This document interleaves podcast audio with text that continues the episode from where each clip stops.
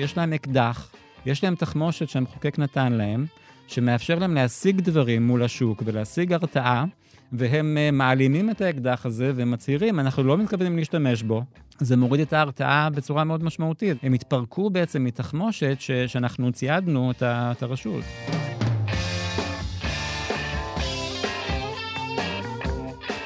ברוכים הבאים למרקרים, פודקאסט סוף השבוע של דה מרקר. ההזדמנות שלכם לקחת פסק זמן ממחזור החדשות היומיומי ולצלול איתנו לאירועים, לאנשים ולרעיונות שמאחורי החדשות. כאן באולפן איתכם, כמדי שבוע, גיא רולניק. רגע, זה עדי דוברת, זה לא ענת ג'ורג'י. שלום עדי. שלום גיא. שמענו בפתיח את אה, פרופסור דיוויד גילו מאוניברסיטת תל אביב. אז מאזינים יקרים, ענת ג'ורג'י נמצאת במשימה סודית בעורף האויב, עובדת על שרשרת כתבות שעוד טרם הגיעה השעה לספר עליהן, ואיתי באולפן נמצאת השבוע במקומה אה, אורחת מאוד מיוחדת, כתבת השיווק, הקמעונאות, ולאחרונה קצת גם ההגבלים העסקיים. עדי דוברת, שלום עדי. היי גיא. אז uh, את חדשה כאן, אז תספרי קצת למאזינים עלייך. עדי, 43, התחלתי אה, כעורכת דין בכלל, אה, זה היה נורא ואיום. קריירה מאוד מפוארת, הבנתי. כן, קריירה מאוד מפוארת, הייתי מאוד לא מוצלחת, זה החזיק מעמד כמה חודשים. אה, לאחר מכן עברתי לעבוד במשרד אה, פרסום, גם כן מפלה מאוד גדולה, ש... נמשכה קצת פחות משנה. אה, אימא שלי, אגב, אני דור שני לעיתונאים, אימא שלי הייתה עיתונאית המון שנים. ואז כשאמרת לה, אימא, אני הולכת להיות עיתונאית, היא אמרה, אוי ואבוי, רק לא להיות עיתונאית. לא, דווקא לא, היא הייתה גאה. אה, וזהו, והתקבלתי בפרוטקציה לעבודה. ואני זוכרת שאני ואתה דיברנו, זאת הייתה לדעתי השיחה הראשונה או שנייה שלנו לפני 14 שנים, כשהתחלתי לעבוד פה, אמרת לי, את יודעת, הסתכלתי לאחרונה בקורות החיים שלך וראיתי שאת לא מחזיקה בשום מקום יותר משנה. אולי היינו צריכים לחשוב על זה קודם. אז uh, כנראה עשיתם uh, משהו נכון, ואני עדיין פה, וחוץ מזה אני מחפשת עבודה בהייטק עכשיו. כמו כולם, כן. בדיוק. ברור. אז את הרבה מאוד שנים בתפקיד, ונדמה לי שממש שנה או שנתיים אחרי שאת נכנסת, או שלוש קצת, אחרי שאת נכנסת לתפקיד בדה מרקר, קורית המחאה החברתית.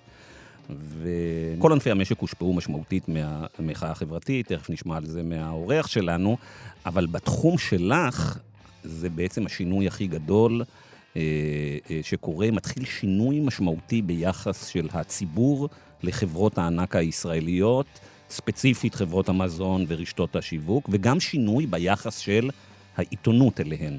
נכון, בעצם כשאני נכנסתי בסביבות 2008-2009, היה לנו שוק אה, ריכוזי, אבל אה, לאף אחד לא היה אכפת, חוץ מלך בערך. והיו לנו כמה חברות מזון אה, גדולות וכמה קמעונאים גדולים שבעצם עבדו ביחד בשיתוף פעולה מושלם כל כמה חודשים. הספקים הודיעו על העלאת מחירים, השניים הסכימו, ואף אחד לא אמר כלום. ובעצם אז uh, הגיע איציק אלרוב והקוטג', כולנו זוכרים, ואני חייבת להגיד שאני לא האמנתי שהמחאה הזאת תעבוד. כלומר, כששאלו אותי, אמרתי, מה פתאום? הציבור הישראלי יחרים? Uh, זה היה נראה לי משהו שלא יקרה, כמובן שהתבדיתי. התחיל סיפור, פתאום כולם למדו שסנפרוסטי של תנובה, וששטראוס זה עילית ויד מרדכי, ו- ו- ובאמת היו הרבה דברים לחשוף, והיבואנים, והריכוזיות, ובאמת זאת הייתה תקופה uh, מאוד מסירה בהיבט הזה. והיום אנחנו בדיוק באותו מצב. נכון, אז אחרי המחאה מגיע גל רפורמות, חוק הריכוזיות, שמחוקק בסוף 2013, מטפל בפירמידות והפרדה בין חברות ריאליות לבין חברות פיננסיות, רפורמה בשוק הפנסיה, הורדת והגבלה של דמי ניהול, פתיחת שוק הסלולר לתחרות במאי 2012, שמובילה בסופו של דבר לירידה של 90 אחוז במחירים. אני חושב שזה דבר שהוא חסר תקדים בכל העולם, שאתה פותח לתחרות, רגולטור פותח לתחרות ומחירים יורדים ב-90 אחוז. אחר כך היה חוק המזון שנדבר עליו היום, אחר כך הגיעה הפרדת כרטיסי האשראי מהבנקים. אבל החל משנת 2015, וזה קשור לאורח שלנו היום, המחאה מתחילה לדעוך. עכשיו, בחודשיים, שלושה האחרונים, משהו שוב מתחיל לקרות, משהו מבעבע, נראה ששוב יש איזה כעס. מה קורה?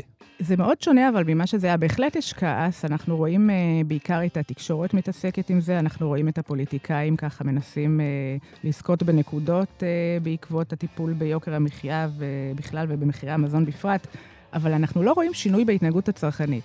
כלומר, אם ב-2011 במחאה באמת ראינו שאמרו, אל תקנו קוטג', אנשים לא קנו קוטג'. אה, ב-2013 היה גל עליות מחירים, ב-2014 ראינו ירידה בצריכה. עליות המחירים התחילו כבר לפני שנה, כלומר, במסעדות, וכל הזמן דיברנו על זה, וברשתות, ובמוצרי חשמל. כולם העלו מחירים, והישראלים המשיכו לקנות כמו מטורפים, לבזבז, להזמין באינטרנט דברים שהם לא צריכים, וללכת לקנות בסופרים השכונתיים במקום במקומות זולים.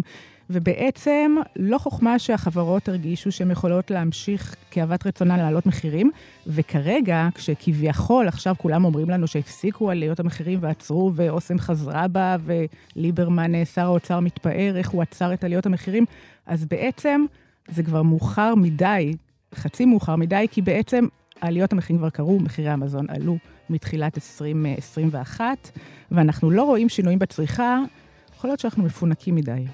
אוקיי, אז למרות שאת אה, לא עסקת אה, אה, ישירות מעולם בהגבלים עסקיים, לפחות שלוש כתבות וסדרות של תחקירים שלך הביאו לפתיחת חקירות של רשות ההגבלים העסקיים, רשות התחרות הישראלית. אז בואי תזכירי לנו את זה בקצרה. לא, אתה מרים לי פה. אה, אני חושבת שהסיפור הראשון היה כשקופיקס, אתה זוכר אותם? זוכר. אה, הגיעו, אה, בעצם פתחו את הסניף הראשון שלהם, הם נכנסו, ובאמת הייתה סערה מאוד גדולה, למה אנחנו משלמים עשרה שקלים על כוס קפה, וכמה עולה להכין כוס קפה. ובעצם דיברתי בזמנו עם רונן נימני, הבעלים של קפה קפה, והוא סיפר לי ככה, בלי, בלי שום בעיה, שהם דיברו כל החברים שלו והוא ברשתות אה, קפה המתחרות, במרכאות, והחליטו שהם לא מתכוונים להוריד מחירים, בגלל שקופיקס מוכרת קפה בחמישה שקלים. אה, בעצם זה הוביל אה, לתחקיר עם הרבה עדויות, באמת נפתחה חקירה של הרשות. הרשות שוב באמת הראתה עד כמה היא מוצלחת, והחקירה נסגרה מחוסר נתונים. אה, כעבור כמה שנים. יש חקירה שמתנהלת כרגע ברשות, אה, מסעדנים חזקים ביחד, גם כן אה, איזשהו איגוד של מסעדנים. לפני מספר חודשים שלח מנכ"ל האיגוד הודעה למאות מסעדנים, שבה הוא מתדרך אותם, לכאורה. מה צריך לעשות במידה ושואלים אותם למה הם מעלים מחירים ומה הם צריכים להסביר. אה, ולמה זה מוצדק, ולמה אי אפשר יותר, ובאמת בעקבות הפרסום הזה נפתחה עוד חקירה, בינתיים לא שמעתי עליה, והחקירה האחרונה בענף המזון של אה, התבטאויות אה, פומביות, כתבנו על זה כמה כתבות. אוקיי, okay. אז העורך שלנו היום הוא פרופסור למשפטים ולכלכלה, שכל חייו פחות או יותר עוסק בתחום אחד, בתחום, כלומר, בהיבט הקריירה שלו, תחרות או היעדרה של תחרות, מה שקרוי... בעברית הגבלים עסקיים, או בארצות הברית, שם זה נולד הכל לפני 130 אה, שנה, antitrust. אה, האורח שלנו קיבל את התואר השני והדוקטורט שלו בהרווארד. רוב חייו הוא היה באקדמיה, אבל באפריל 2011, עיתוי די מעניין, רגע לפני פרוץ המחאה החברתית, הוא מתמנה לתפקיד הממונה על ההגבלים העסקיים. יחידה שהופכת לאחר המחאה החברתית, בעקבות המחאה החברתית, לרשות התחרות. עם יותר כוח אדם, יותר תקציבים, ועם חוק שנותן לה הרבה יותר כוח ושיניים. הוא החזיק בתפקיד ארבע שנים בדיוק, ואז נאלץ לפרוש, לאחר שראש הממשלה הקודם, אה, בנימין נתניהו, החליט לעשות מעשה חסר תקדים, לעקוף את ההחלטה של הממונה על הגבילים עסקיים, שאמור ליהנות מעצמאות אה, מלאה, באמצעות אה, שימוש בסעיף משונה בחוק, שמאפשר לממשלה לעקוף החלטות של הממונה אם יש שיקולים של ביטחון המדינה, ונתניהו, כמו נתניהו, מצליח להפוך עניין של אה, מונופול בתחום הגז לעניין ביטחוני, והוא עוקף את הממונה, והממונה מחליט להתפטר. אחרי הגבלים העסקיים, הוא חוזר לאקדמיה, והיום הוא פרופסור מן המניין באוניברסיטת תל אביב. האורח שלנו כבר איתנו באולפן, ואנחנו מיד מתחילים.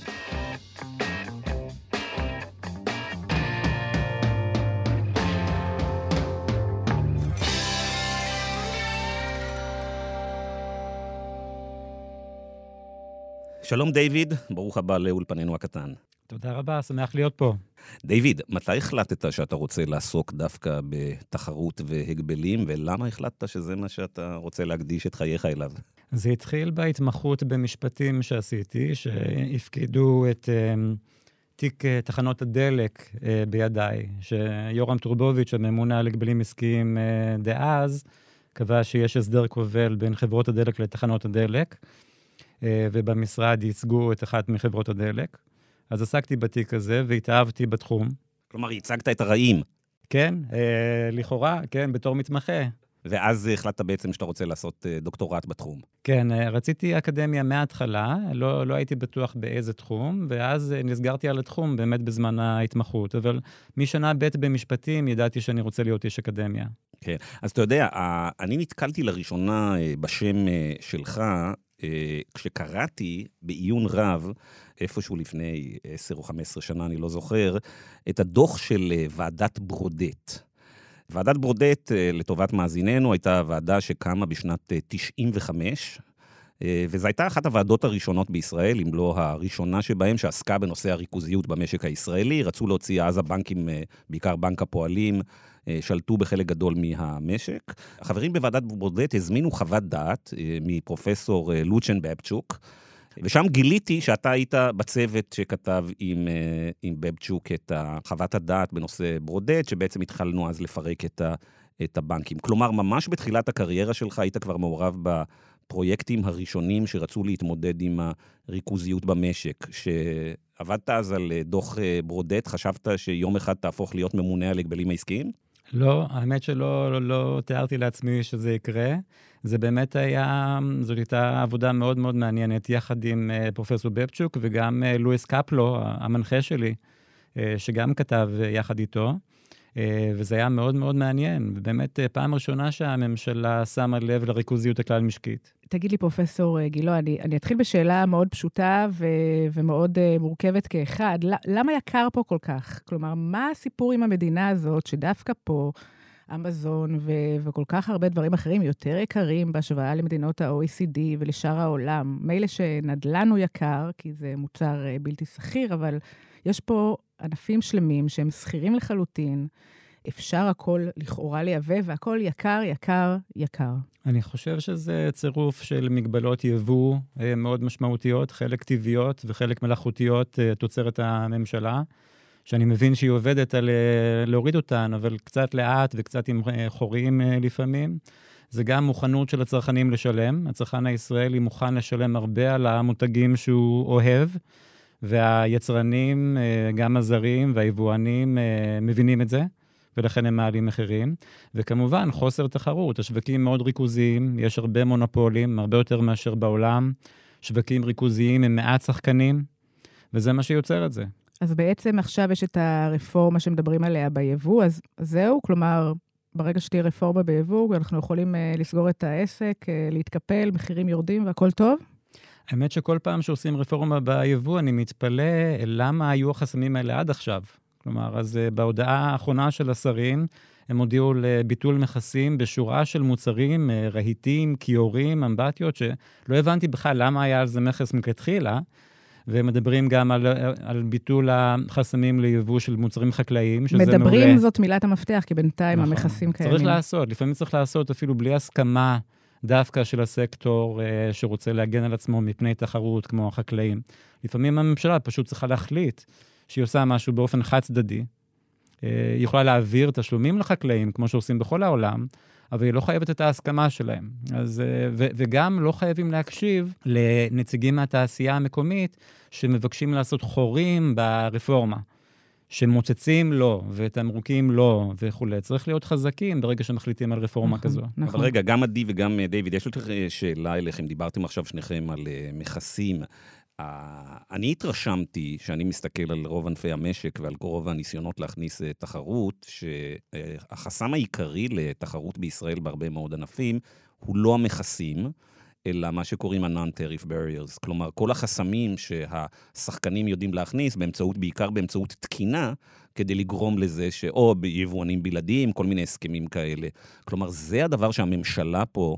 נכשלה לאורך שנים, וכדי לסבר את אוזניהם של המאזינים, ה-non-tariff barriers האלה, שזה כל מיני תקינה והסדרים, זה לפעמים נראה כאילו שזה הממשלה עושה, אבל בעצם הספרות הכלכלית והתיאוריה הכלכלית, וגם הרבה מאוד אה, מקרי מבחן מראים לנו, שבסופו של דבר, מי שמכניס את החסמים האלה, זה החברות עצמן, הלוביסטים של החברות. כלומר, החברות יודעות לדרוש תקינה, שבעצם כאילו לכאורה תפקידה לדאוג לצרכנים, אבל בעצם התקינה הזאת נועדה לגרום לכך שרק הם יוכלו לעמוד בתקינה ולא תהיה להם תחרות. אני מסכים לגמרי. מכון התקנים, התקינה הזאת, אלה דברים שבחוק ההסדרים האחרון הממשלה הודיעה שהיא רוצה גם לבטל. הבעיה שלפעמים היא לא מבטלת את זה בצורה הרמטית. אה, למשל, ההסתמכות על תקינה אירופאית. מספיק שזה עומד בתקן אירופאי, ולא צריך תקן ישראלי, שהוא באמת חשוף ללחצים האלה של התעשייה, ולפעמים אפילו מקבלי ההחלטות בתוך גופי התקינה האלה מורכבים בין היתר מנציגים של התעשייה. אז זה מאוד בעייתי, ויש בזה הרבה ניגוד אינטרסים. אה, ואני חושב שהממשלה צריכה לעשות את מה שהיא אמרה שהיא תעשה. אני מבין שהיא עושה את זה. עדי, בעצם אחת הדרכים שהיבואנים בתחום המזון ובתחומים, ובתחום התמרוקים וצעצועים והרבה דברים בישראל, בעצם הם משתמשים הרבה פעמים במשרד הבריאות וב... משרדי ממשלה אחרים או בתקינה כדי לחסום את התחרות. נכון, הם אפילו מרימים טלפון, אם הם שומעים שמישהו הביא איזושהי מכולה עם מוצרים ומוכר אותם במחיר יותר אטרקטיבי, מרימים טלפון למשרד הבריאות. אומרים, תקשיב, יש ככה, ולא מדבקות, ולא פה ולא שם, ותוך כמה דקות, אה, או בזמנים של משרד הבריאות, אה, כמה ימים, מגיע לשם אה, איזשהו פקיד ועוצר את כל הסיפור הזה. אני חושבת שמילת המפתח בכלל בכל מה שקורה בענף זה תחרות או היעדר תחרות. כלומר, גם אם יהיה יבוא... חופשי למדינת ישראל, עדיין לא נראה את זה מוריד את המחירים בצורה מספקת. ולמה? כי ברגע שיש לנו קמעונאית אחת, שופרסל, ששולטת בנתח כל כך גדול מהשוק, ומהצד השני, את אותם ספקים גדולים. זה לא משנה אם יהיה יבוא חופשי, כי הרשתות פשוט לא יביאו יבוא מקביל בזול בהיקפים שבאמת יביאו להוזלת מחירים, כי הם תלויים באותם יבואנים בלעדיים. הם לא יעצבנו את כל השסטוביץ' ודיפלומט. כל המריבות האלה יהיו ליחסי ציבור ולכותרות, ואחרי שבועיים הם ייפסקו. וגם אין היקפים מספיקים של אה, יבוא מקביל להביא לישראל, זה, זה מכולות פה ושם. אז בעצם כל עוד אין תחרות וכל עוד יש את הגורמים הריכוזיים הענקיים האלה ולא יפרקו אותם, אנחנו לדעתי נמצא את עצמנו מנהלים שוב ושוב את אותה שיחה. נהדר. אז אה, דיוויד, התזה שלך בתואר שני, אה, לפני הרבה שנים כבר, עסקה בתחרות והגבלים עסקיים. ואכיפתם במשקים קטנים. עכשיו, מאז שאתה כתבת את התזה שלך, העולם השתנה, וישראל היא כלכלה היום מאוד מפותחת, תוצר לנפש מאוד uh, גבוה. איך אתה מסביר שישראל הפכה לגן עדן, כמו שאתה אמרת בעצמך, של מונופולים, קבוצות ריכוז, קרטלים, אה, ענפים ריכוזיים, יבואנים בלעדיים, ובגדול, כמו שעדי, שנמצאת בשטח יום-יום כבר 14 שנה, אומרת לנו, בגדול התחרות היא פיקציה. איך זה קרה בישראל? יש סיבות היסטוריות שישראל הייתה אה, מולאמת כמעט כולה מההתחלה, מתחילת המדינה. אה, הכל היה שייך למדינה, להסתדרות, לסוכנות היהודית, עם כל מיני מונופולים בבעלות המדינה. לאט לאט זה הופרט, אבל זה הופרט הרבה פעמים לאנשים הלא נכונים. בגלל זה חוקקנו את חוק הריכוזיות, כדי למנוע את זה בין היתר. זה נמכר לכל המרבה במחיר, ואז קיבלת את אילי ההון האלה, שהם אה, במקום המדינה שלטו במונופולים האלה. זאת סיבה אחת. סיבה אחרת, אה, כל מיני חסמי יבוא, שכאמור הם נוצרו או מסיבות טבעיות, בגלל כלכלת אי, בגלל אויבים מסביב, בגלל הים, אבל גם בגלל קבוצות לחץ שגרמו לחסמי היבוא האלה, וככה זה נשאר. אה, אז נוצרו שווקים ריכוזיים. האם אתה מחבר את זה לזה שהצרכן הישראלי מאוד אוהב את המותג האהוב שלו ומוכן לשלם עליו הרבה, ויש לו הטרדות אחרות רוב השנה, עד שקופץ לו הפיוז במין אה, מחאה כזאת, כמו שעדי אמרה קודם. אה, אז השילוב הזה יוצר את הקושי הזה. אם אתה מוסיף על זה את הכשרות וכל מיני דברים אחרים, ואפילו מגבלות מיותרות בירוקרטיות, של כשרות, אז אתה מקבל מחירים גבוהים. אני שומעת ממך, וכמובן ש, שהדברים שאתה אומר הם נכונים, אבל מצד שני זה, זה הרבה סיבות וגם הרבה תירוצים לדברים שלא נעשו.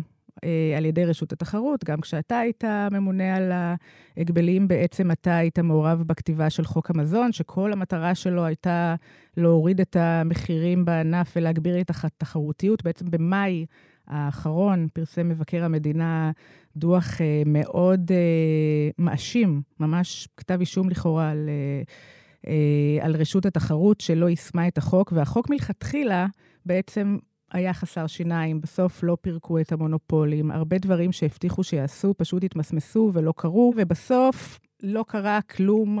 המחירים עדיין גבוהים, הריכוזיות קיימת. החוק הזה נכשל בעצם. היה, הייתה פה הזדמנות שהתפספסה. מה אתה חושב, שהבעיה הייתה עם, ה, עם הנוסח של החוק עצמו, או שהוא לא נאכף כמו שצריך, או שזה איזשהו שילוב? אני ניסחתי את החוק, ואני לא חושב שהייתה איתו בעיה. אני חושב שהחוק הזה הוא מצוין ומאוד אמיץ. בחיים לא היינו מצליחים לחוקק חוק כזה באווירה של לפני המחאה החברתית. Uh, הבעיה היא האכיפה שלו, לדעתי. אני חושב שהחוק הזה במשך שנים לא נאכף uh, כמעט uh, בכלל, ואז ההרתעה ירדה. Uh, הוא גם רוכך. רשות התחרות ביטלה כל מיני איסורים שהיו בחוק המקורי. וזה מה שגרם לזה שהחוק לא יושם כמו שצריך. אבל בדיקות אמפיריות שנעשו, הראו למשל שרק הפרק של שקיפות מחירים בחוק אה, הוריד את המחירים אה, בסופרמרקטים ב-4-5 אחוז, שזה מאות שקלים אה, למשפחה לחודש. אגב, בדיקות שאני עשיתי, לא אמפיריות, אבל שמתבססות על נתונים בשטח, הראו ששקיפות המחירים הביאה לתיאום מחירים בין רשתות המזון, כשבעצם הן מתאמות את המחיר על הגבוה ביותר, וזה עשה בעצם, זה הפך למעין מכשיר תיאום מחירים בחסות החוק, ו- בגלל ובסוף... זה חשוב, חשוב לעשות בדיקה אמפירית, ולא להסתמך על אינטואיציה בלבד. בשורה התחתונה המחירים עלו, דיוויד, הם לא, הם לא ירדו. רגע, אבל אולי אני רוצה לפשר ביניכם שנייה. יכול להיות, עדי, שבשנה, שנתיים הראשונות של אחרי שחוק המזון נכנס, באמת יש לו אפקט על השחקנים, ובעצם אחרי שדועכת המחאה החברתית, ובעצם השחקנים לומדים איך ללמוד עם, לחיות עם חוק המזון, ורשות התחרות מפסיקה לאכוף אותו. אה, אני חושבת שיש אה, בהחלט משהו במה שאתה אומר, ויכול להיות שקצת הוצאתי את הכל על אה, דיוויד פה מימיני. באמת, בשנים הראשונות היה חשש מאוד גדול של חברות המזון ושל הקמעונאים, הם ממש פחדו מה, מהציבור ומהתקשורת ומכולם. וכן, ואז בעצם יש לנו רשות תחרות. תחת ממונה חדשה, שנורא פרו-עסקים, והיא בעצם לא כל כך אוהבת לאכוף את החוק. היא מגיעה לתפקידה אחרי שהיא הייתה שותפה במשרד עורכי דין, שבעצם מייצגת אה, מונופולים, ולא סתם מונופולים, אלא גם את חלק מהמונופולים של מזון. נכון, ועם זה, אגב, הייתה לי פחות בעיה אם באמת היא הייתה מתנהלת בצורה אחרת. כלומר, לא שפטתי אותה אף פעם על העבר שלה, כמו על, ה, על הגישה שלה ועל הראיית עולם שלה של איך ליישם את חוק התחרות ועל התפקיד של חוק התחרות. אה, מעניין לחשוב מה, מה, לשמוע מה אתה חושב, דיוויד. אני לא רוצה לשפוט אותה, אה, את הממונה שבאה אחריי, אבל אני, אני יכול להגיד שיש הרבה אנשי הגבלים עסקיים עם אידיאולוגיה כמו שלה. יכול להיות שהיא היא נמצאת בספקטרום הזה של כל מיני אידיאולוגיות בהגבלים עסקיים באיזושהי קיצוניות יחסית אליי, אבל יש עוד כמוה שחושבים שצריך פחות להתערב, שהשווקים uh, יתקנו את עצמם.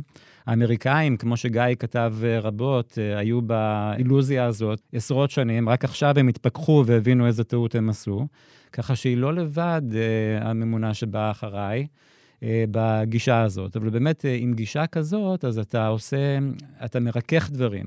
אם אתה רואה חוק כמו חוק המזון, שכולל רשימה של איסורים מוחלטים, אתה לא רוצה לאכוף אותו, כי זה לא מתאים לאידיאולוגיה שלך. אתה לא אוכף את האיסור על מחיר מופרז כמעט, כי זה לא מתאים לאידיאולוגיה שלך.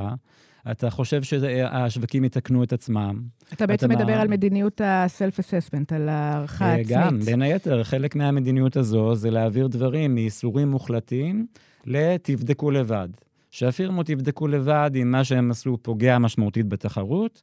אם הם uh, טעו, אנחנו, אם נגלה את זה, נתקוף אותם uh, בדיעבד, ואז בהליך מסובך עם כלכלנים uh, של עשר שנים, אולי נשיג איזשהו סעד של קנס כספי שכמעט לא מדגדג לחברה הזאת. להבדיל מאיסורים, שהאיסורים היותר חמורים בהגבלים עסקיים, הם היו איסורים מוחלטים. שזה פשוט עבירה פלילית אם עשית את זה. אתה עושה חקירה פלילית, אתה בודק מה קרה, אתה כותב uh, כתבי אישום, מרשיע, וזה הרבה יותר מרתיע את המנכ"לים האלה מאשר קנס של uh, כמה עשרות מיליונים.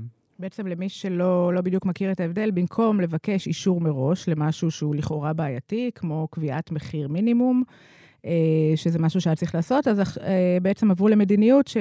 החברה פונה למשרד עורכי דין, מפונפן כלשהו, משלמת לו כסף אה, עבור חוות דעת, הוא קובע שלמעשה אין פה פגיעה בתחרות, היא לוקחת את חוות הדעת הזאת, שמה אותה במגירה, ואז אם אחרי שנים מישהו מתלונן שהייתה פה פגיעה בתחרות, אז רשות התחרות תתחיל בבדיקה.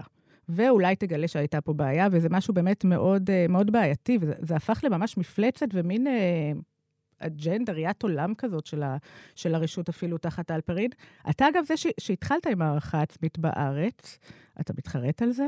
יכול להיות שזה יצר תקדים לדברים שלא הייתי רוצה שיכילו את זה גם על דברים אחרים. אני, אני הכלתי את זה על, ה, על המובן מאליו, על דברים שברור שזה, שהמוטיבציה לעשות אותם יכולה להיות תמימה, שגם uh, שחקנים קטנים ירצו לעשות את זה.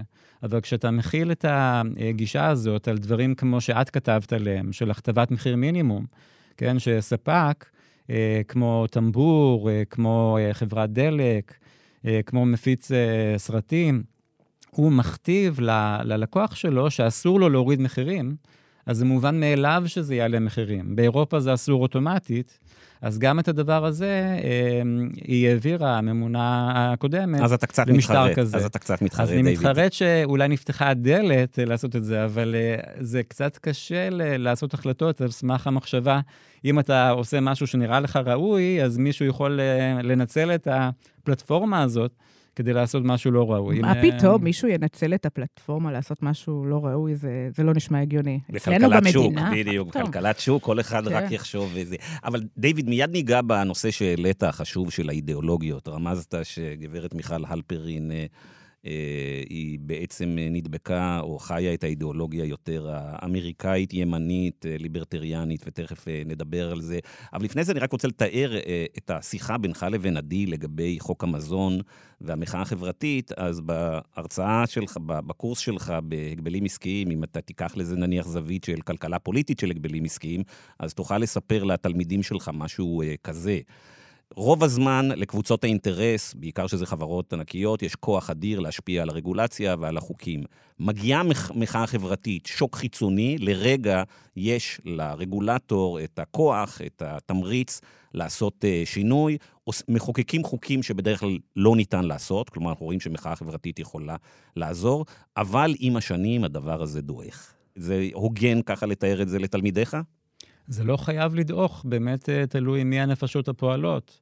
אני חושב שאם הייתה רשות שאוכפת את החוק הזה בצורה אינטנסיבית, היינו רואים כתבי אישום, היינו רואים uh, הרשעות, היינו רואים חקירות על הפרת חוק המזון, אז ההרתעה הייתה נשארת. ויכול להיות שהסיבה שרשות התחרות אה, בעצם החלה, במקום להשתמש בשיניים שהיא קיבלה אחרי המחאה החברתית, היא הפכה להיות אה, רשות אה, רופסת יותר, יכול להיות שזה קשה. דרך אחת להסתכל ולהגיד, תשמעו, אה, שמנו, שמו את מיכל אלפרין, שבאה מראיית עולם, אה, כלומר, היא ייצגה חברות גדולות, ואלה החברים שלה, זה הג'וב הבא שלה, וכאילו זה ראיית העולם, זה דרך אחת. ודרך שנייה להגיד, והיה פה גם ראש ממשלה שנתן מכה אלימה, קשה, על הראש של רשות התחרות בפרשת מתווה הגז. בעצם רשות התחרות אמרה, מתווה הגז שאתה מציע הוא לא מקובל עלינו, מצטער, ואז אומרים, אוקיי, מראים לממונה את, ה, את הדלת בעצם, אומרים לו או שתתיישר או שתלך, ואז בעצם מאותו רגע החברים ברשות ההגבלים מבינים, אה, אנחנו כאילו עושים הגבלים, אולי אנחנו יכולים לעשות פה הגבלים על אה, יצרנים של אה, ופלות קטנים, אבל בביג ביזנס אנחנו לא יכולים לגעת, כי זה הרוח החדשה של ראש הממשלה. אני לא חושב, אני חושב שמתווה הגז זה אירוע חד פעמי. אל תשכחו שכדי uh, ליישם אותו, אז הם היו צריכים לנסות להשיג אישור של הכנסת, שהם לא הצליחו להשיג, ואז uh, uh, מאיזושהי סיבה שר הכלכלה דרעי עבר להיות שר הפנים, כדי ששר הכלכלה יהיה נתניהו. זה היה מאוד מסובך להעביר את מתווה הגז מבחינה פוליטית, וזה אירוע חד פעמי. זה לא משהו שאמור להוריד בכהוא זה את כוח ההרתעה של הרשות. כלומר, היית, היית מייחס את הרופסות שלה, את החולשה של רשות התחרות, היית מייחס יותר לאידיאולוגיה. לגמרי, כי אי, אי אפשר להגיד ש, ששוק המזון, למשל, אה, אה, חיוני לביטחון המדינה או ליחסי חוץ, אה, לאפשר הגבלים עסקיים בשוק המזון או, או בשוק אחר. חשוב, ואין שום קשר בין מתווה הגז לבין האידיאולוגיה הזו. הבנתי. אני חייבת להגיד שהיו לי הרבה שיחות עם מיכל אלפרין, ברובן לא הסכמנו, אבל באמת, יצאתי עם התחושה והאמנתי לה שהיא, התנהלה כפי שהיא התנהלה מאידיאולוגיה אמיתית של דברים שהיא האמינה בהם ו, ולא ממניעים uh, זרים. ואני רוצה רגע, אם אפשר, לדבר על הממונה החדשה. Uh, גם היא מיכל, מיכל כהן, uh, יש איזה הייפ סביבה. אה, היא מונתה עוד אה, לפני זה, בזמן שהייתה את ועדת האיתור, אה, פשטה הרשות על המשרדים של שטראוס ושופרסל, והיא בודקת הכרזה על מונופול כוויסוצקי. באמת, הייתה הרגשה שאנחנו עכשיו הולכים לעידן חדש של רשות נשכנית. ובאמת שכל החברות הגדולות צריכות להתחבא מתחת לשולחנות עכשיו. ו- ואני חייבת להגיד שאני לא מאלה שמתלהבים ממנה, מהתפקוד שלה עד עכשיו. בהתחלה באמת נורא קיוויתי וייחלתי, אבל בינתיים, מאז שהיא מונתה, אני רואה שחוץ מהחקירה הזאת נגד אה, ענף המזון, לא קורה יותר מדי. למשל, יש את כל הנושא של הכתבת אה, מחיר מינימום, שזה בעצם אומר שספק יכול להיות, להגיד לקמעונאי, תמכור את המוצר באיזה מחיר שאתה רוצה, אבל שלא יהיה פחות מעשרה שקלים. אה, אז בעצם היה לנו מחטף שאלפרין אה, ביצעה ממש רגע לפני הפרישה שלה מהכהונה. היא הלכה לאורנה ברביבאי, שרת הכלכלה, החתימה אותה על זה שמעכשיו... אה, איזשהו פטור שמקל אה, על הסיפור הזה, שאפשר יהיה לקבוע מחיר מינימום, ואז אה, מיכל כהן מונתה, והיא לא ביטלה את זה, היא יכלה ל... לבטל את זה, ואני בטוחה שגם אורנה ברביבאי הייתה משתפת עם זה פעולה לאור זה שכבר עכשיו כביכול גם היא נלחמת ביוקר המחיה. אה, היא רק עשתה, היא הפכה את זה לאיזשהו פטור קצת יותר, אה, איך נקרא לו, חמור. כאילו, יותר קשה להוכחה, אוקיי? וגם, אה, למשל, לא מזמן כתבתי על זה ששופרסל היא מונופול לכאורה באונליין, עם 70% מהמכירות, ופניתי לרשות, שאלתי אותם, תגידו, למה... אולי כדאי ש, שתבדקו, אולי באמת שופרסל היא מונופול באונליין, בכל זאת יש לה 70 מהמכירות, אולי, אולי זה מנוצל לכל מיני דרכים אה, לא סבירות. בכל זאת, חוק המזון מדבר רק על אה, התרחבות הסניפים הפיזיים ולא ב, באינטרנט, והם, והם בעצם נתנו לי תגובה שדי עממה אותי, כי הם אמרו לי, בעצם כל הנושא של מונופול הוא דקלרטיבי בלבד, הצהרתי. אין שום חשיבות בהצהרה על מונופול, בגלל ש... מישהו מונופול, גם ככה אם יש לו 50 אה, אחוז מהשוק, ולכן אין, אה, לא, אנחנו לא צריכים לעשות את זה. ובעצם זה מנוגד באופן ברור לדוח מבקר המדינה ממאי. כלומר, בדוח מבקר המדינה הוא כותב שהוא התייעץ גם איתך וגם עם דרור שטרום, שהיה הממונה על ההגבלים, ושניכם הסברתם לו שהכרזה על מונופול זה משהו מאוד משמעותי, ואתה יכול גם להסביר לנו למה. והנה באה מיכל כהן ואומרת, לא, בעצם גם אני מאמינה בהערכה עצמית, וגם אני לא בעד להכריז על מונופולים. ועכשיו זה מתחיל לראות, כאילו יש לנו פה איזה Me Too של אה, מיכל הלפרין. יכול להיות שאותה מיכל... רגע, רגע, אל תגידי Me Too, אנשים יתבלבלו. אה, אה לא, מיכל כהן לא הטרידה מינית את מיכל הלפרין. אוקיי, אני רוצה להבהיר. Me Too התכוונתי למישהי שהיא בדמותה, שהיא הרבה שנים uh, צמחה מרשות התחרות, היא הרבה שנים שם, ו- ויכול להיות שפשוט זה כבר דבק באידיאולוגיה הזאת. איך אתה רואה את זה? אז קודם כל, אני, אני מכיר את מיכל כהן טוב, היא עבדה תחתיי כשהייתי ברשות, והיא בן אדם מאוד ראוי, שבא משירות המדינה, היא מאוד אינטליגנטית, מאוד מוכשרת וחכמה, ואני חושב שצריך לתת לה צ'אנס. למשל, החקירה שעשו בנובמבר היא חקירה אמיצה. לא כל ממונה הייתה מורה על חקירה כזו. אנחנו לא יודעים בדיוק מה החשדות, אבל די ברור שזה לא איזשהו קרטל עירום קלאסי שעליו אה, הלפרין הייתה עושה חקירות. זה אה, משהו שיותר בקאטינג אדג' של הגבלים עסקיים, וזה יפה מאוד. באמת אני מאוכזב אה, כמוך מזה שהדבר הראשון שאני חושב שמיכל כהן הייתה צריכה לעשות, הוא להחזיר אחורה את הטיפול המחמיר אה, בהכתבת מחיר מינימום. לבוא לשרת הכלכלה ולהגיד, הייתה פה טעות, צריך להחזיר את זה אחורה. אגב, זה גם משהו שהשרה יכולה לעשות, כי זה שיתוף פעולה של שתיהן, זה סוג של תקנה. וגם התפלאתי על השרה שהיא לא עשתה את זה, אלא במקום זה הם התבצרו בעמדה שזה בסדר, אנחנו רוצים להפחית את הנטל הרגולטורי, שזה תמיד סיסמה שאפשר להשתמש בה, אה, וזה מאכזב. העניין של ההכרזות, זה אחד מהסימפטומים של הגישה הלא מתערבת של הלפרין, הייתה שהיא אמרה במפורש, אני לא רוצה להתעסק עם הכרזות על מונופולים. אני חושב שזה כן חשוב במקרה מתאים להכריז על מונופול, להרים לו תמרור אזהרה. עשינו את זה uh, מספר פעמים, uh, ואתה גם עוזר לתביעות הייצוגיות ולתובעים הפרטיים לתבוע את המונופולים בדרך הזו. ואני uh, הבנתי, מיכל כהן uh, בכנסת, הבנתי שהיא אמרה שהם בודקים uh, מונופולים כאלה, כמו ויסוצקי, uh, וולט ו- וכולי, שזה חשוב מאוד. אז uh, אני חושב שאם אמרו לך שזה רק דקלרטיבי ואנחנו לא רוצה, רוצים להתעסק עם הכרזות, זה קצת...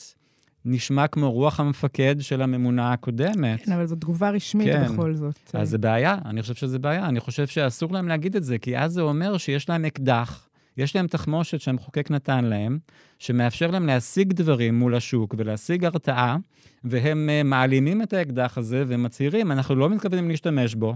זה מוריד את ההרתעה בצורה מאוד משמעותית. זה רק אחת מהדוגמאות למהלך, אה, שורה של מהלכים שהם עשו בשנים האחרונות, שהם התפרקו בעצם מתחמושת ש, שאנחנו ציידנו את הרשות. אז דיוויד, יש, כמו שאמרת, וכמו שעדי אה, רמזה, לעדי יש הרבה שיחות עם אה, מיכל, יש פה משהו הרבה יותר עמוק. ישראל בכלל ורשות התחרות לא החליטו בעצם מהי התפיסה של הגבלים עסקיים שלנו, איך אנחנו מתייחסים לנושא ה...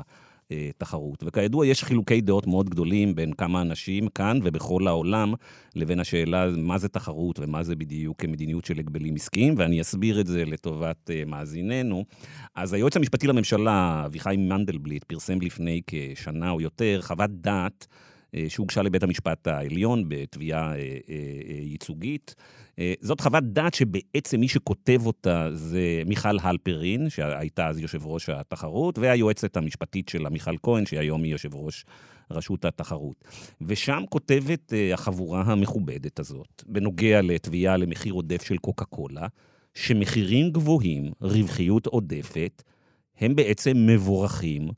ומתבקשים, כי זה המנוע של הכלכלה, של הקפיטליזם ושל השוק.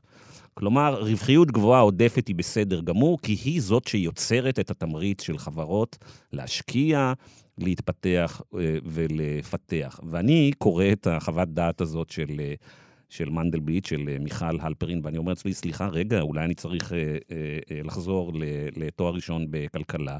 אני חשבתי שתחרות היא המנוע של השוק והקפיטליזם, ולא רווחים מונופוליסטיים, ולא רק, אלא שאני יודע שכל הרעיון של, אה, אה, של שוק הוא שלאורך זמן לא יכולה להיות רווחיות עודפת, כי אם יש לך רווחיות עודפת, אתה כנראה לא בכלכלת שוק, ואז אה, אה, כנראה שזה לא מקרי הדבר הזה, מישהו פה נתקע.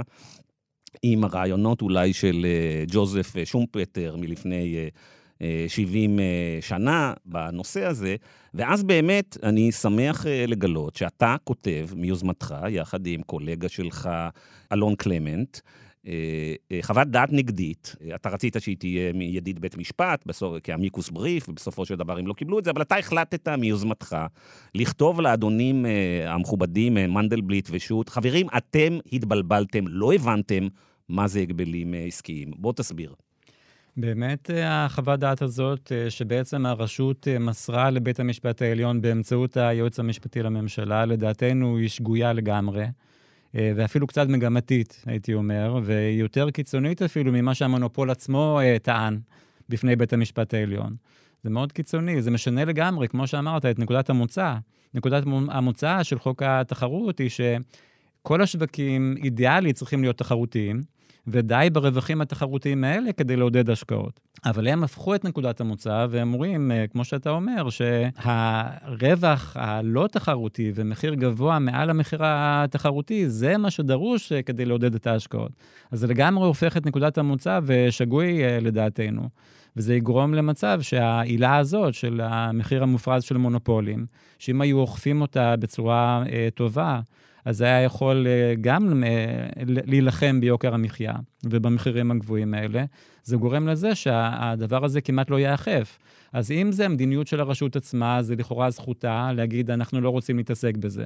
אבל באמצעות uh, היועץ המשפטי לממשלה, הם רוצים לגרום שגם התביעות הייצוגיות של תובעים פרטיים uh, ייכחדו. בעצם, בגלל שאם בית המשפט העליון יקבל את העמדה שלהם, זה אומר שגם בתי המשפט לא יוכלו כמעט לאכוף את העילה הזאת, וזה מאוד חבל. אני חייב לציין שהעניין הזה, החוות דעת הזאת, אה, עדי, של, אה, אה, שהם אומרים שרווחיות עודפת זה מנוע ליוזמה, לי זה נראה כמובן חוסר הבנה לחלוטין של, של תחרות ושל שווקים, אבל ספציפית בהקשר של קוקה קולה, זה נראה הכי הזוי בעולם. למה? אם נניח היו נותנים את החוות דעת הזאת או לאיזה חברת הייטק, ואומרים, תבינו, בהייטק תמיד יש פרקים של רווחיות עודפת, וזה מה שהמנ... וככה זה עובד, וזה מה שמעודד את החדשנות. אגב, יש אמפיריקה שמראה שזה לא נכון גם על ההייטק, בעיקר בשנים האחרונות, אבל עוד איכשהו היה אפשר לנהל שיחה. אבל הרעיון הוא שקוקה קולה שמוכרת מים עם סוכר מזה 100 שנה, ובעצם כולם יודעים שהסיבה שגובים בישראל עשרה שקלים, שקלים אה, אה, על מה שבארצות הברית עולה חצי ובאירופה לפעמים שליש, זה שלקוקה קולה יש לה כוח שוק אה, אדיר. אז הרעיון הזה שאדון דודי ורטיים ודרורית ורטיים מרוויחים מיליארדים בשנה קוקה קולה, אגב, הם הבעלים גם של ערוץ 12 במקרה לחלוטין.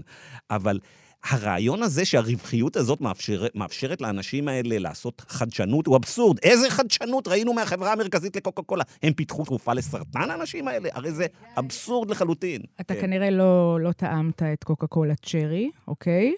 אה, אני חייבת להגיד לך שזה לא, לא הדבר הכי הזוי, וזה לא מפתיע בכלל שרשות התחרות, זאת העמדה שלה. לאורך כל הזמן הם נוקטים בגישה של לחזק את החזקים. כלומר, תסתכל על זה שהם אישרו למשל לשופרסל לרכוש את ניו פארם, אה, שהיום זאת בי, למה? כי רק שופרסל הגדולה תוכל להתחרות בסופר פארם. נו באמת, הרי היה כל כך ברור, וכתבנו את זה, ואנחנו לא היחידים שכתבו את זה, שזה לא ב-DNA של שופרסל להיות זולים, ושבסוף יהיה פה דואפול, והמחירים בשוק הפארם לא ירדו, ואוי, הנה זה קרה. ואותו דבר עם זה שאישרו אה, דווקא ל- לרכוש את יינות ביטן, וכל האישורים שלהם וה- וה- והגישה שלהם היא שרק שחקן חזק יוכל להתחרות בשחקן חזק אחר. בעצם מגדיל, מאדירים ומגדילים את החזקים, במקום לעודד את זה שאולי יבואו גם אה, שחקנים קטנים חדשים, ואולי שחקן קטן יהפוך לבינוני. ואגב, איך אתה תופס את uh, מיכל כהן בהקשר הזה, דיוויד? אתה חושב שאנחנו נראה את המשך הגישה הזאת של, ה, של הרשות? כי היא גם כן הייתה בדעה מנוגדת לך בכל הנושא של המחיר uh, מופרז ובנושא של הערכה עצמית. איך אתה רואה את זה מכאן והלאה? אני לא יודע, אנחנו צריכים לראות uh, מה היא תעשה. הם, הם עשו בדיקה אחת uh, של מחיר מופרז uh, נגד... Uh, אבל ב- במקרה שהוא מאוד מאוד בוטה של חברת תרופות עם תרופה מצילת חיים, עם מעט מאוד חולים בארץ, שניפחה את המחיר פי שלוש אולי. זה לא חוכמה, החוכמה היא באמת קוקה קולה, גבינה צהובה, קוטג', אשלג. לא, אבל בניגוד אלינו, יש לך הרבה שעות איתה, נכון? מה הראיית עולם שלה? אני לא יודע, אינטליגנטית, ברור, אם אבל הייתי מה? צריך לנחש, הייתי אומר שהיא איפשהו באמצע ביני לבין מיכל אלפרין. זה לא אבל טוב. ימים אם מתחילים יגידו. באמצע, אנחנו יודעים לאן- העולם דברים יגרור אה. גם משתנים תוך כדי, לפעמים תוך כדי התפקיד אתה, אתה משנה את האידיאולוגיה שלך, אבל אה, עדי, עדיין הנטל עלייך, את צריכה לדחוף אותה לכיוון הנכון. אה, דיוויד, אתה עוקב אחרי המהפכה שמתרחשת בחמש שנים האחרונות, ובעיקר בשנתיים האחרונות בארצות הברית, אוקיי? המינוי של לינה קאן ליושב ראש ה-Federal Trade Commission, המינוי של ג'ונתן קנטר ל-Head of Antitrust ב-DOJ, במשרד המשפטים, זה אנשים שהם אה, 180 מעלות שונים בתפיסה של מה שהם רואים תחרות, מאנשים שישבו ב-FTC וב-DOJ בחמישים שנים אה, האחרונות. יש באמריקה יותר ויותר אנשים שאומרים, הדוקטרינה הזאת שמיכל הלפרין גדלה לאורה ויישמה אה, אותה, אה, שמיוחסת לאנשים, ב- למשפטנים ולכלכלנים בארצות הברית, כמו אה, ידידנו רוברט בורק, ריצ'רד פוזנר, אה, פרנק איסטרברוק, אנחנו מכירים את הרשימה, שבעצם צריך מאוד להיזהר מלהתערב בשוק. האידיאולוגיה הזאת נכשלה, ורוצים להחזיר אה, גיבור מההיסטוריה הרחוקה יותר, את, אה, את אה, ברנדייס, אה, שדיבר על הצורך לפרק את אה, מוקדי הכוח לפני אה, אה, יותר ממאה שנה, ורוצים להג... להחזיר את ההגבלים העסקיים כפי שהם יושמו לאחרונה בארצות הברית, ואולי כפי שהם מיושמים לפעמים באירופה, לימי אה, FDR, פרנקלין דלאנו רוזוולט. מה דעתך? אני חושב שזו גישה מאוד נכונה, חבל שהם התפכחו רק עכשיו, וגם אחד מהמכשולים שיש להם זה השופטים הפדרליים, שהם מאוד אה, Chicago School, אה, בורק, איסטרברוק אה, וכולי, וזה מאוד קשה להחליף שופטים פדרליים. אז כל דבר שה-FTC או ה-DOJ ינסו לעשות, הם ייתקלו בבתי המשפט האלה. לכן אני חושב שמה שהם צריכים לעשות זה חקיקה, כמו שאנחנו עשינו את חוק הריכוזיות, חוק המזון, בצורה שמכתיבה לבתי המשפט. א', ב', ג', זה פשוט אסור, כי המחוקק אמר. כי אם, אם הם יכפיפו את זה לשיקול דעת של בתי המשפט, אז זה לא יעזור שלינה כאן, למשל, אה, תתקוף את זה, זה ייתקל בהתנגדות של בתי המשפט. אוקיי, אז עכשיו, דיוויד, אני הולך להעלות קצת את הטמפרטורה באולפן ולדבר על נושא יותר רגיש. תראה, חוות הדעת שמיכל הלפרין אה, ציטטה, זו חוות דעת שאתה מאוד אה, אה, כעסת עליה וכתבת את חוות דעתך, החוות דעת הזאת מצטטת שורה של אה, מומחים. שעיקר עיסוקם הוא לא ממש אקדמיה. הם גם באקדמיה, אבל הם בעיקר יועצים למיזוגים. כידוע, יש בעולם, בארצות הברית ובאירופה, שלוש חברות ענק, חברות ייעוץ, שבעצם מייצגות את כל החברות הגדולות בעולם מול רשויות רגולטוריות ובתי משפט בכל הקרבות של תחרות והגבלים. אגב, בישראל זה מצב לא שונה, גם אצלנו יש אה, שניים, שלושה משרדי עורכי דין, כמו צבי אגמון למשל. אה, נכון. אז בחברות האלה, הבוסים בחברות הבינלאומיות, תכף נדבר גם על הישראליות, בחברות האלה הבוסים הם כמה מהאקדמאים החשובים ביותר בעולם בתחום ההגבלים. אז אני אסביר שוב למאזיננו. בכובע אחד מדובר ביועצים שהם מולטי מיליונרים ברובם, כי בארצות הברית כסף גדול, גם באירופה. הם מומחים בלהסביר לרגולטורים ולבתי המשפט למה הגדלת ריכוזיות היא סבבה, למה זה לא יפגע בתחרות. בכובע השני, דיוויד, האנשים האלה כותבים מאמרים אקדמיים, לפעמים הם גם האורחים של כתבי העת האקדמיים, שאתה צריך לפרסם בהם כדי להתקדם. וכמובן לא הזכרתי שהם גם נעים בדלת מסתובבת אה, פנימה והחוצה מהרגולציה עצמה. השנה אני במשרד המשפטים, מסתכל על מיזוגים, שנה הבאה אני עובד אצל גוגל או אצל אפל.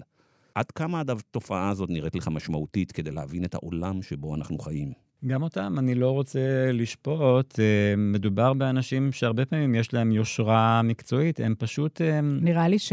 שדייוויד מכין אותנו למעבר שלו למשרד לא, אגמון אם, או משהו אם כזה. אם לא עשיתי את זה עד עכשיו, אז אה, בגילי המופלג, אז נראה לי שאני כבר לא אעשה את זה. too late for me. אבל כשאתה מייצג מונופולים ונתבעים כל כך הרבה שנים ובצורה כזו אינטנסיבית, זאת הופכת להיות האידיאולוגיה שלך. זה לא יעזור כלום. אתה משכנע את עצמך, ואז אתה כזה, ואז גם הכתיבה האקדמית שלך היא כזו. זה, זו האינטרפטציה התמימה. דיוויד, תגיד לי, תראה, נניח שעדי דוברת הייתה כמו אקדמאים, כמו החבר'ה האלה שכרגע הזכרתי, והיה לה, אה, לה אה, שתי משרות. באחת היא הייתה כותבת מאמרים בדה-מרקר על, אה, על הנושאים שאנחנו מדברים עליהם, ובשנייה היא הייתה נותנת ייעוץ לתנובה ולשופרסל איך לרכוש חברות. זה היה נראה לך סביר? זה ברור שצריך לתת פחות משקל למאמרים כאלה או לחוות דעת כאלה. יש פה, יש פה אלמנט בעצם. לא, למה בעולם האקדמיה מותר לי לכתוב מאמרים מדעיים שעל בסיסם אחר כך רגולטורים בבתי משפט, בשעה שבמקביל אני מקבל מיליונים מהחברות האלה? בעולם העיתונות, אנחנו היינו חושבים לא, שזה מגוחך לחלוטין. לא, אותי יותר מטריד. למה אתה לא, אתה כל הזמן אומר, אני לא שופט, אני לא שופט. למה אתה לא שופט אותם, דיוויד? כי, כי אני יושבת פה ואני לגמרי שופטת אותם, וגיא יושב פה ושופט אותם. מה, מה הבעיה לשפוט מישהו ש, שהוא עושה משהו שהוא לא ראוי, שהוא לא ערכי, בשביל uh, תועלת כספית? אני פשוט לא אוהב לשפוט uh, אנשים. כש, כשהייתי ברשות, שפטתי אולי, אותם. אוקיי. אבל עכשיו שאני איש אקדמיה, אני יכול להיות uh, ככה... דיפלומט, ו- ולא לא לשפוט אנשים, אה, מה, מה יוצא לי מזה. כן, גם רשות התחרות לא כל כך uh, שופטת. אני כן, אין לי בעיה להגיד uh, דברים ביקורתיים על דברים שאנשים עושים, אבל להניח שלאנשים יש ניגודי אינטרסים, אני מסכים לגמרי עם הבעיה שאתה, שאתה מתאר, גיא. Uh, יש פה בעיה, אבל uh, אני לא יודע אם הם לא חושבים את זה באמת. אגב, זה מתחבר ל- למה שכתבת בטור השבועי שלך, לתקופת הצינון שצריך להטיל. גיא. ו... זה בהחלט ו... פתרון אה, ראוי. זה בהחלט פתרון, כי בתכלס אה, מיכל אלפרין יכולה לסיים את השנה שלה בהרווארד, לכולכם אה, יש במשותף את uh, הרווארד, וללכת לעבוד באחד המשרדים, לנהל אותם. כן, להאריך את תקופות הצינון זה רעיון מאוד טוב. כי לי יש הרגשה לפעמים שהדברים האלה, הרכים האלה, שעדי ואני מדברים עליהם, כלומר, הדלתות המסתובבות, הכוח האדיר של החברות ייעוץ האלה, הדומיננטיות של משרדי עורכי הדין ושל האקדמאים שעובדים עבור חברות הענק, גם באקדמיה וגם בכתבי העת, כל הדברים האלה שלא מדברים עליהם כמעט, הם לפעמים יותר משמעותיים כדי להבין את החולשה של הרשויות הרגולטוריות מאשר אה, פלוני או אלמוני שכרגע עומדים בראש הרשות. בהחלט, אני מסכים לגמרי. אני חושב שזה משהו שצריך לתת עליו את הדעת. תגיד, דבי, תמיד עניין אותי, כמה כוח אדם יש לרשות? כלומר, לפעמים אני... אה, יוצאת מנקודת הנחה ש, שפשוט הם לא מספיקים אולי אה, לעשות דברים לעומק, הם לא מספיקים אה, מספיק לתבוע ו, ולחקור. יש שם באמת מחסור בכוח אדם, או שזה איזושהי מין גישה? כי אני חושבת שזה גם מה שמאפשר לאותם כל היועצים והלוביסטים והאקדמאים, שבעצם הם אנשים שעובדים קשה. אה, ובאים עם אה, מסמכים אה, ושמנתחים את הדברים באמת מאוד לעומק לכאורה, נותנים להם יתרון אל מול גורמים כמו רשות התחרות. אבל יש אנשים ברמה מאוד גבוהה בתוך הרשות, היא מושכת אנשים טובים, וגדלנו מאוד. כשאני הגעתי לרשות היינו 80 אנשים, והגדלנו את זה ל-120, 130, בין היתר בגלל המחאה החברתית ואותם חוקים שחוקקנו. אה, ככה שתמיד, אה, כלומר, אה, מחסור בכוח אדם זה דבר מאוד יחסי, אבל אני לא חושב שזה יכול להיות תירוץ לא לטפל בכל הדברים שדיברנו עליהם. כלומר, אם, אתה אומר, אם 120 עובדים, אם הרשות, ראש הרשות, רוצה לתת fight לחמשת משרדי עורכי הדין הגדולים בישראל בתחום ההגבלים, יש לו את כוח האדם ואת אנשי המקצוע. לגמרי, כן. ולמשל, כל הקייסים אה, שהיו, למיטב ידיעתי, למיטב זיכרוני, בתקופה שלי, נגד המשרדים האלה, ניצחנו. והשאלה האחרונה שלי בעצם לוקחת אותך לעבודת הדוקטורט שלך. אתה היית מהראשונים בעולם שהתחלת לחקור לפני הרבה שנים את הנושא של אה, החזקות אופקיות. כלומר, שיש לנו איזה משקיע שהוא שולט אה, בחברה אחת, וגם מחזיק השקעות פסיביות בחברה אחרת. מתוך הדבר הזה צמחה ספרות שלמה בשנים האחרונות, שעוסקת במשקיעים מוסדיים, אלה שמנהלים לנו את הפנסיות, שמה קורה שהם מש, מחזיקים בחברות אה, אה, מתחרות, האם זה בעצם יכול לעצור את התחרות? והשאלה שלי אליך היא כדלקמן. בישראל יש ריכוזיות עצומה במערכת הבנקאות. בנק הפועלים ובנק לאומי הם ספקי האשראי הקצר של כל החברות הגדולות במשק והחברות הבינוניות uh, במשק. ולא רק שהם נותנים אשראי, יש להם גם מערכת יחסים מאוד קרובה עם הלקוחות שלהם, ויש התניות בחוזה ההלוואות, ויש להם uh, שוט, שוט גם על, ה, על הלווים. האם יכול להיות שהעובדה שפועלים ולאומי נותנים הרבה פעמים למתחרים בענפים רבים במשק, הם הספק של האשראי, גורם לזה שיש תמריצים או הזדמנות לחסום תחרות. פועלים ולאומי עוזרים ללקוחות שלהם להימנע מתחרות. זו נקודה מאוד חשובה, אני חושב. צריך, כלומר, אז אם בנק לאומי למשל נותן הלוואה למתחרה א' ונותן הלוואה גם למתחרה ב' בשוק ריכוזי, ובגלל ההלוואות האלה, לפחות באחד מהם יש לו השפעה על מה שקורה. הוא ממנה דירקטור, יש כל מיני תניות שהוא יכול להתערב בניהול. אז אותה תופעה שאני התארתי בדוקטורט שלי יכולה להתרחש גם שם. זה יכול גם לקרות עם משקיע מוסדי, אה, מיטב דש, אלטשולר שחם וכולי, שנותנים מימון אה, או, או מחזיקים במניות של גוף א' וגוף ב', כמו שקורה בארצות הברית בספרות שתיארת. השווקים בארץ מאוד ריכוזיים, אה, השווקים של המשקיעים או המוסדיים או הבנקים מאוד ריכוזיים. זה בהחלט יכול להיות אישו בארץ. אז אולי בעצם נגלה שכדי לטפל בריכוזיות, באחד הדרכים לטפל בריכוזיות בהרבה מענפי המשק, אנחנו גם צריכים קודם כל לטפל בריכוזיות בעולם הפיננסים, גם בבנקים וגם במשקיעים המוסדיים. לגמרי. אז למשל את המיזוג בין uh, מזרחי לאיגוד uh, לא היה צריך לאשר. כשבית הדין... פסגות uh, אלטשולר? Uh, זאת שאלה. אני חושב שיכול להיות שגם את זה לא היה צריך לאשר. לא, נכ... לא נכנסתי לעומק. של התיק הזה. אה, יכול להיות שחלק מהשווקים שהם עובדים בהם הם אה, פחות ריכוזיים, אבל ברור שבחלק מהשווקים זה ריכוזי מאוד מה שקורה שם. יכול מאוד להיות. אה, ובנוסף, צריך לבדוק, כשחברות כאלה עושות עסקה כזאת, איזה השקעות צולבות יש להם בשווקי מוצרים כאלה ואחרים. פרופסור דיוויד אה, גילו ועדי דוברת, יש לי חדשות אה, עבורכם. אני ממנה אתכם בזה הרגע להיות הממונים על התחרות בישראל. דיוויד, אנחנו אה, לא נראה בחיוב אם אתה תעבור לייעץ לחברות הגדולות במשק מול רשות התחרות. אה, ועדי, את עדיין צריכה להמסיס, לשים אה, זרקור לא רק על רשות התחרות, אלא על כל החבר'ה האלה שרצים שם ועושים לובי. אה, תודה רבה שבאתם לאולפנינו. תודה, תודה רבה. רבה.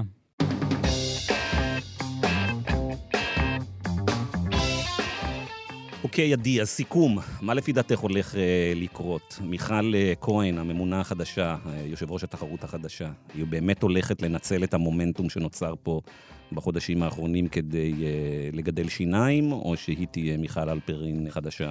אני רק רוצה להגיד קודם כל שבאמת אה, מרשים אותי איך אה, עדיין כשאתה אומר ריכוזיות, העיניים שלך נוצצות, גיא. זה יפה וזה מחמם את הלב. זה יפתיע אותך, אני לא אופטימית. אני לא אופטימית לגבי מיכאל כהן ורשות התחרות תחת מיכל כהן. אני גם לא מאוד מתרשמת מהחקירה של ענף המזון. בגלל שבסך הכל מה ראינו פה? לא ראינו איזו פעולה פרואקטיבית של הרשות. כנראה שהגיע אליהם מידע, או שהם קראו על מידע, והם נאלצו לחקור אותו. אנחנו עוד לא יודעים לאן זה ילך, זה יפה שהם פשטו, זה יפה על המשרדים, ויפה שלקחו את כולם, הכל טוב ויפה, אבל זה לא משהו שהוא שינוי מדיניות. המדיניות שלה היא עדיין של הערכה עצמית, של הכרזה על מונופולים, של אותם uh, דברים בעייתיים שראינו, של לתת לגדולים לשמור על השמנת של עצמם. אני מאוד מאוד מקווה שאני אתבדה. אני חושבת שזאת רשות שיש לה המון כוחות, המון שיניים והמון דרכים אה, ונגישות למידע, ויכולה באמת אה, לעזור לכל אחד ולהביא להורדת המחירים ביוקר המחיה, והלוואי. אוקיי, okay, אז אני יותר אופטימי. אני חושב שאם את תשימי עליהם זרקור ברמה היומיומית ב...